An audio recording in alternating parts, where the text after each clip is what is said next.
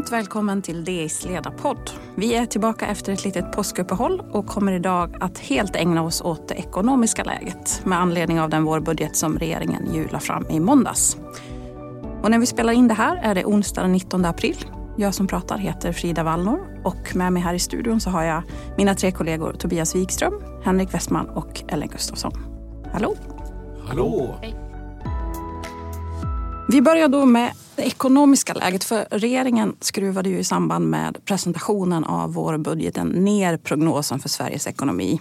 BNP väntas nu backa med 1 procent under 2023 och man skruvar också upp prognosen för arbetslösheten som väntas stiga både i år och kommande år. Så i klartext innebär det här att regeringen spår att vi står inför en mångårig lågkonjunktur. Men här på DI så lyssnar vi ju väldigt mycket vad svenska bolagschefer säger och här tycker jag i alla fall att det fortfarande inte alls låter lika dystert när man lyssnar på dem. Håller du med om det Henrik? Ja, det håller jag med om. Verkligen. Det är ju lätt att få motstridiga signaler. Um, de här senaste veckan så är det ju flera bolag som har kommit med omvända vinstvarningar. Alltså de har flaggat för att deras vinst faktiskt blir bättre än vad marknaden tror. Um, det kanske viktigaste exemplet där är ju AB Volvo Eh, som ju är ett av Sveriges viktigaste företag. Ehm, de har ju välfyllda orderböcker och har dessutom lyckats höja sina priser vid årsskiftet vilket har eh, ökat bolagets lönsamhet. Eh, och det överraskade ju alla hur bra det faktiskt går. Nu återstår ju deras rapport. Jag tror den kommer här i morgon torsdag. Och där kommer de ju lägga ut texten om konjunkturen och hur det ser ut framåt. Och det är ju den brasklapp man måste ha när man ser de här eh, positiva signalerna från, från företagen. Eh, att det faktiskt eh, kanske kommer att märkas framåt och inte har gjort det ännu. Mm. För jag menar om man hör prognoser om att arbetslösheten kommer att stiga samtidigt som då bolagen har fulla orderböcker så känns det som att vad är det? Är det bara hushållens konsumtion som påverkar eller vad är det? Det, det, liksom, det går inte nej, ihop Nej, riktigt. det går inte ihop. Det är lätt att, att bli förvirrad i, i allt det här. Eh, och det är ju så som du säger Frida, konsumtionen viker, hushållen är rekorddeppiga. Och naturligtvis så borde ju det också i slutändan få effekt på exempelvis AB Volvos kunder, alltså eh, speditörer som behöver köpa lastbilar. Man bör ju behöva mindre lastbilar om vi handlar mindre. Då är det färre varor som ska transporteras. Men där verkar vi inte vara än och jag tror att den stora knäckfrågan är hur, eh, hur djup och allvarlig den här konjunkturnedgången faktiskt blir. Mm. Och lika om man tittar på Stockholmsbörsen så har det varit betydligt gladare tongångar den senaste tiden jämfört med hur det har varit senaste månaderna får man ju säga. Eh, vad tror du det beror på? Är det som att alla har prisat in de här dåliga tiderna redan? Ja, där är det ju happy days och det är väl eh, så med Stockholmsbörsen och, och alla marknader överhuvudtaget. De ligger ju alltid före så att säga oss andra. Så att när vi, när vi upplever en konjunkturnedgång då börjar de redan kika på tecken på en konjunktur, konjunkturuppgång. Eh, jag tror att det man verkligen ska hålla koll på här framåt är det som vi har levt med nu under eh, nästan ett år och det är ju inflationen och räntan. Vad händer, vad händer i USA? Vad händer i Europa? Eh, det är ju det som absolut blir eh, viktigast eh, framåt. Mm. Men ja, får, får, man, får man tro Micke Wilenius, han skrev ju en artikel i dagens tidning, så, så är det ju snart dags att, att lämna börsen. Han har ju det här säsongsmönstret som han har tittat på som jag tycker är väldigt intressant. Att börsen går går bättre eh, under, under senhöst och vår och sen eh, går den sämre. Om vi då går över och pratar lite grann om regeringen så har ju de fått mycket kritik i veckan för att de inte gör tillräckligt för att skydda hushåll och företag från den här nedgången. Att vårbudgeten, inte, att vårbudgeten borde ha innehållit mer krispolitik. Ligger det något i det, Tobias? Ja, om man med krispolitik menar att man ska eh, finanspolitiskt alltså kompensera eh, hushåll och företag för det som har hänt med inflationen så, så är ju inte det lämpligt att man öser ut pengar så att säga. Eh, men visst hade budgeten kunnat innehålla mer av eh, man hade kunnat avisera fler strukturella åtgärder som inte är direkt budgetpåverkande men som kan, som kan eh, som kan boosta eh, ändå företagandet eh, eh och ge lite framtidshopp. Det hade mm. man ju kunnat tänka sig. Du menar att det inte är lämpligt för att slänga ut fler pengar skulle driva upp inflationen ja, ännu mer? Absolut, ja. absolut. Sen får man ju inte glömma heller att när det gäller att skydda hushåll och så, så finns det en hel del saker som har hänt som inte involverar regeringsbeslut i den meningen. Och det är ju till exempel att eh, bidrag, bidragen har ju höjts med inflationen. Det var ju en rekordstor höjning av prisbasbeloppet vid årsskiftet. Det påverkar garantipensioner, det påverkar eh, alla möjliga slags ersättningar. Så det har ju hänt eh, eh, alldeles oavsett. Så att det finns ju de här sakerna som man ibland kallar automatiska stabilisatorer som gör att, eh, som gör att eh, hushållen får eh, skydd vid arbetslöshet och nu får de dessutom det på sådana, en del sådana ersättningar på en högre nivå. Men en sån här kritik som har kommit, som också har att göra med en sån här sak som har skett automatiskt, det kommer ju från Centerpartiet som menar att, att att det som hände nu i månadsskiftet mars-april att eh, regeringen inte förhindrade att de sänkta arbetsgivaravgifterna för unga avskaffades. Mm. Eh, vilket ju betyder att arbetsgivaravgifterna då går upp ja. precis nu. Det, det har de inte ju, rätt i den kritiken? Ja, jag kan tycka det. Eh, och det här, var ju, det här har ju mer att göra med eh, budgetteknik och vad som räknas in i ett eh, reformutrymme när man lägger fram en budget. För det är det så här att det här var en pandemiåtgärd som från början var tidsbestämt till ett visst datum, nämligen nu här på våren 2023. Och man Eh, hade regeringen då alltså bestämt sig för att inte låta den här eh, nivån återställas, alltså att det skulle bli en höjning, då hade det blivit en så att säga minuspost i regeringens ehm, eh, ja, reformutrymme. Då hade man fått ta det från något annat. Det är lite tokigt att det är på det sättet, för de facto så är det ju en höjning. Eh, och det är en höjning som kommer väldigt olägligt. För nu har ju faktiskt en kris avlöst en annan. Och det är lätt att tänka sig att unga personer kommer att, eh, kommer att drabbas hårdare av den kommande ökande arbetslösheten jag är inte något fan av liksom separata arbetsavgifter för olika, olika åldersgrupper och så. Men när man väl har den här så får du ett väldigt tokigt signalvärde att just nu höja den igen. Vi släpper in dig också Ellen. Hur, eh, hur ser du på vårbudgeten överlag?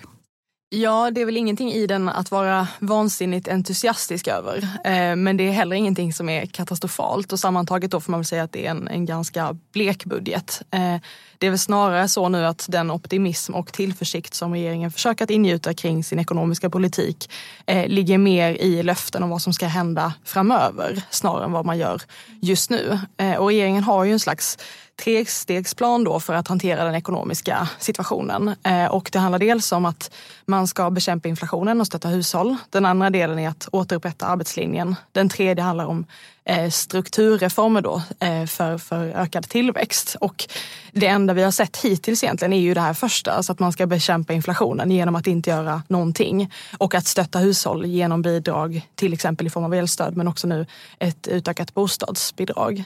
Eh, samtidigt, en vårbudget är bara en vårbudget. Den är inte lika omfattande som den som kommer i höst. Så att man kan nog ha högre förväntningar på den. Vad håller du med om det Tobias? Eh, ja, man ska inte ha så höga förväntningar just på en vårbudget men det är samtidigt ett stort publikt tillfälle att markera sin politik.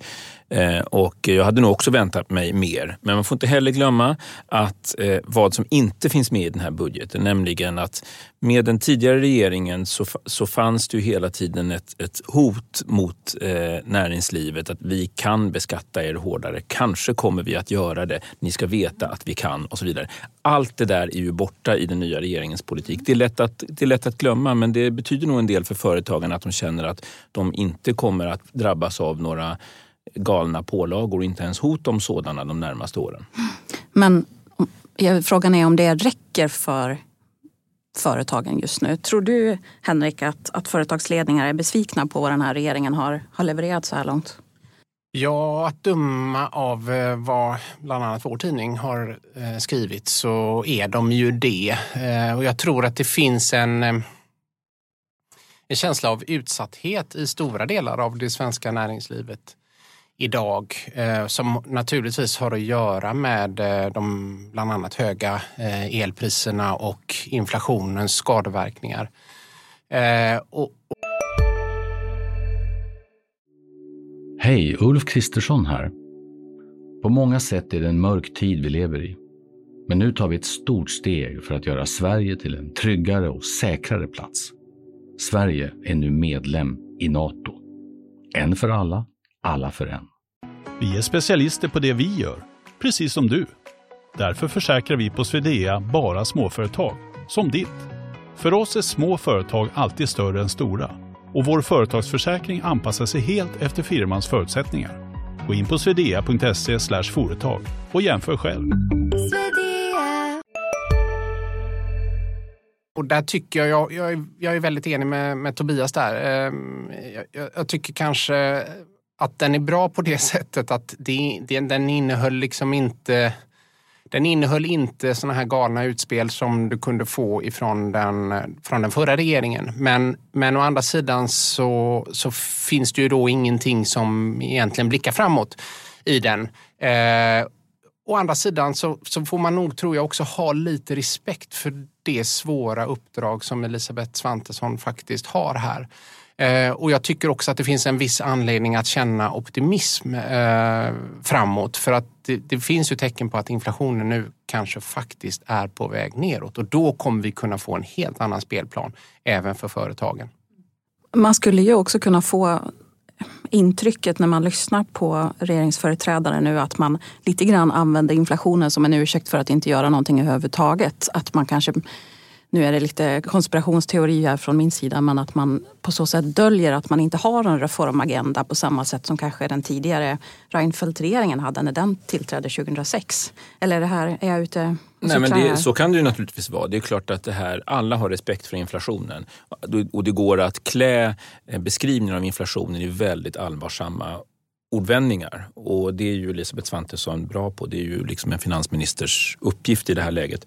Men jag tror, jag tror att du är något på spåren. Eh, den här regeringen ligger två år efter vad Reinfeldt-regeringen 2006 skulle ha gjort. Eftersom de var fyra partier som var eniga eh, redan två år innan så att säga. Hade skrivit ihop sig i diverse dokument, bildat eh, eh arbetsgrupper och sådana där saker. Även om jag tror att Kristersson har rätt i att även den här konstellationen var förvånansvärt eniga i många ekonomiska frågor så har de ju så har de ju inte haft interna kommittéer och förberett det här och tagit fram lag, eh, lagförslag och utkast och sådana där saker. Det, så det är två års skillnad skulle jag säga. Mm. Och frågan är då vad man hinner göra under återstoden av mandatperioden. Nu, nu har pratade ju finansministern här om att man kommer skicka ut remisser under våren för att besluta om skatteförändringar i samband med att statsbudgeten läggs i höst. Men den enda skatteändring som hittills har nämnts det är då att möjligen slopa skatten på plastpåsar. Eh, och det här tycker du vore en välkommen förändring, Ellen?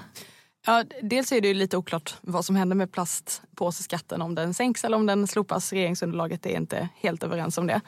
Eh, men, men oavsett då så vore det ju bra eftersom att plastpåseskatten är en väldigt dåligt utformad och ineffektiv skatt. Och det beror bland annat i hur man faktiskt använder plastpåsar. Alltså innan den här skatten infördes så var det ofta så att konsumenter köpte en plastpåse för att bära hem sina varor i och sen så använde man den för att slänga sopor i. Eh, och eh, efter att skatten infördes så har man ju i princip då slutat med detta eftersom att det blev en i princip dubblering av, av priset.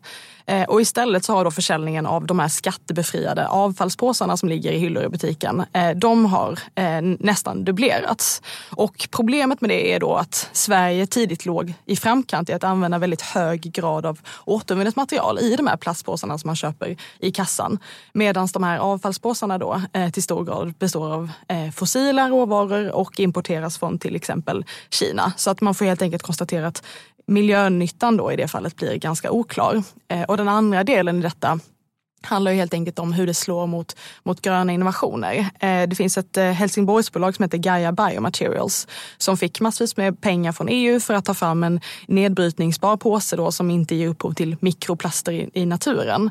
Eh, men det här gick då till domstol för att se om den här faktiskt skulle eh, också då beläggas med eh, eh, plastpåseskatt. Och då beslutade man att ja, det skulle den göra mer eller mindre för att den ser ut som en vanlig plastpåse. Eh, så att liksom, den sammantagna bilden då blir att det här eh, är en skatt som mer framstår som symbolisk och som faktiskt kan få skadliga effekter.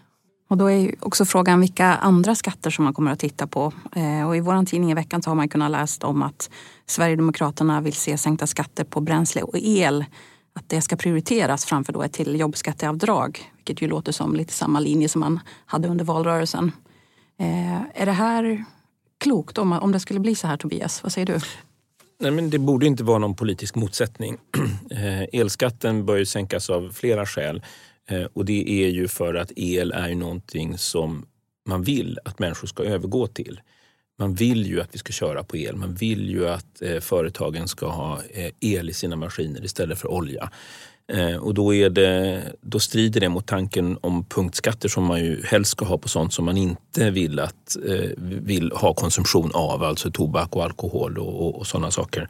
Eh, Så att jag, den, borde, den borde av det skälet trappas ner men också av det skälet att eh, av elpriserna helt enkelt. Här ägnar vi en enorm administrationsapparat där vi inte har sett notan på vad det kostar för att betala ut eh, pengar till hushåll och företag igen som de redan har betalat en gång. Eh, och eh, den här, man hade ju kunnat gå vägen via sänkt elskatt som andra länder har gjort. Jag kan dock inte se att detta står i någon motsättning till exempelvis ett nytt jobbskatteavdrag om det nu är det som eh, regeringen och Sverigedemokraterna eh, förhandlar om. Man undrar ju lite grann vad SD egentligen har att säga till om i den här typen av, av, av liksom skattepolitiska frågor. Eh, har vi någon eh, insyn i den frågan, Ellen? Om man utgår från tidavtalet så står det ju att överenskommelsen om budget, budgeten bygger på att budgeten tas och beslutas i sin helhet. Eh, och att utgångspunkten då för det man kommer överens om är de här olika samarbetsområdena man har, alltså kriminalitet och energi och så vidare. Men faktumet att eh, den ska beslutas i sin helhet ger ju givetvis ett inflytande till alla Tidöpartier inklusive Sverigedemokraterna. Eh, men, men jag tolkar snarare det då som att det blir en fråga om förhandlingar och det säger ju egentligen SD också. Eh, de ställer inte upp detta som ultimatum utan de menar att det här är deras prioriterade frågor inför förhandlingarna om budgeten i höst. Eh, och sen ska man också komma ihåg att alla Tidöpartier vill ju att det här samarbetet ska fungera.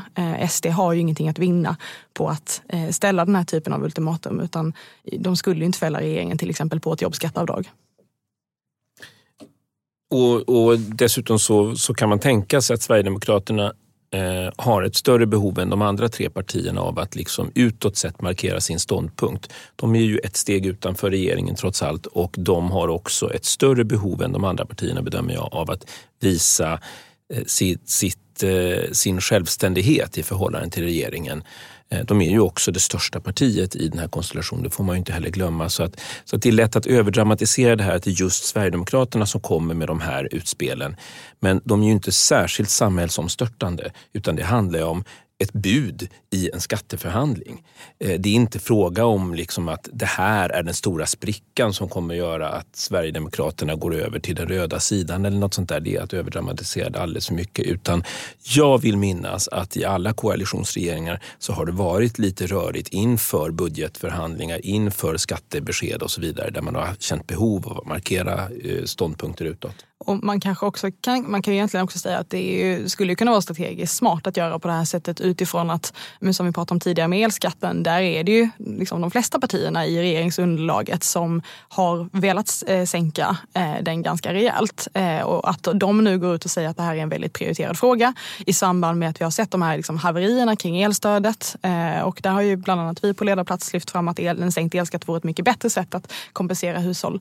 Eh, det är inte osannolikt att man skulle kunna enas om det och då har ju SD positionerat sig tidigt i att det var deras mest prioriterade fråga. Så att... Då får, då får de en vinst Exakt. Eh, från den frågan fast egentligen det var en hyfsat ja, gemensam exakt. ståndpunkt. Slutligen då vill jag återkomma bara till en av de här tre eh, pelarna Ellen, som du lyfte upp tidigare där om att regeringen vill återupprätta arbetslinjen, att det ska vara en prioriterad prioriterat område. Men det har ju inte varit, vi har inte sett så mycket konkreta åtgärder för att leva upp till det löftet än så länge. Kommer man att hinna det här verkligen Tobias?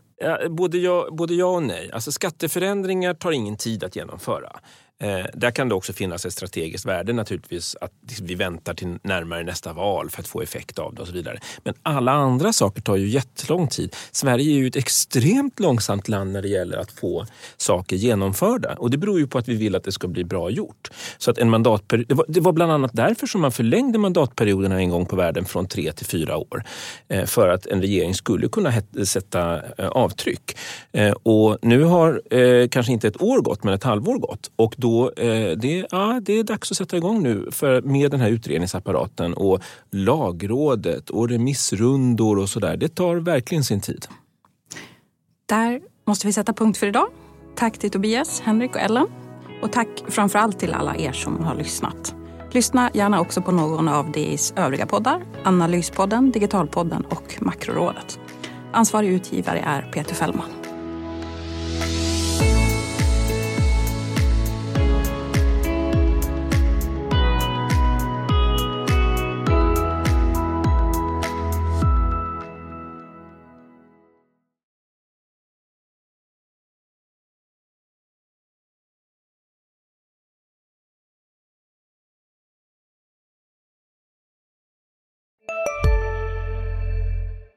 Där det finns ett samhälle, där finns det brott.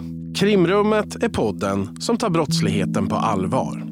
Jag bjuder in landets ledande experter och tar upp aktuella rättegångsfall för att begripliggöra den kriminalitet som kryper allt närmare. Du, alltså, du kan knäcka ett eller några gäng, men det kommer komma nya och så kan vi knäcka dem sen. Men att du ska knäcka allt forever, det kommer aldrig ske. Det är infinite gain. Lyssna på Krimrummet, en podd från Expressen med mig Kim Malmgren.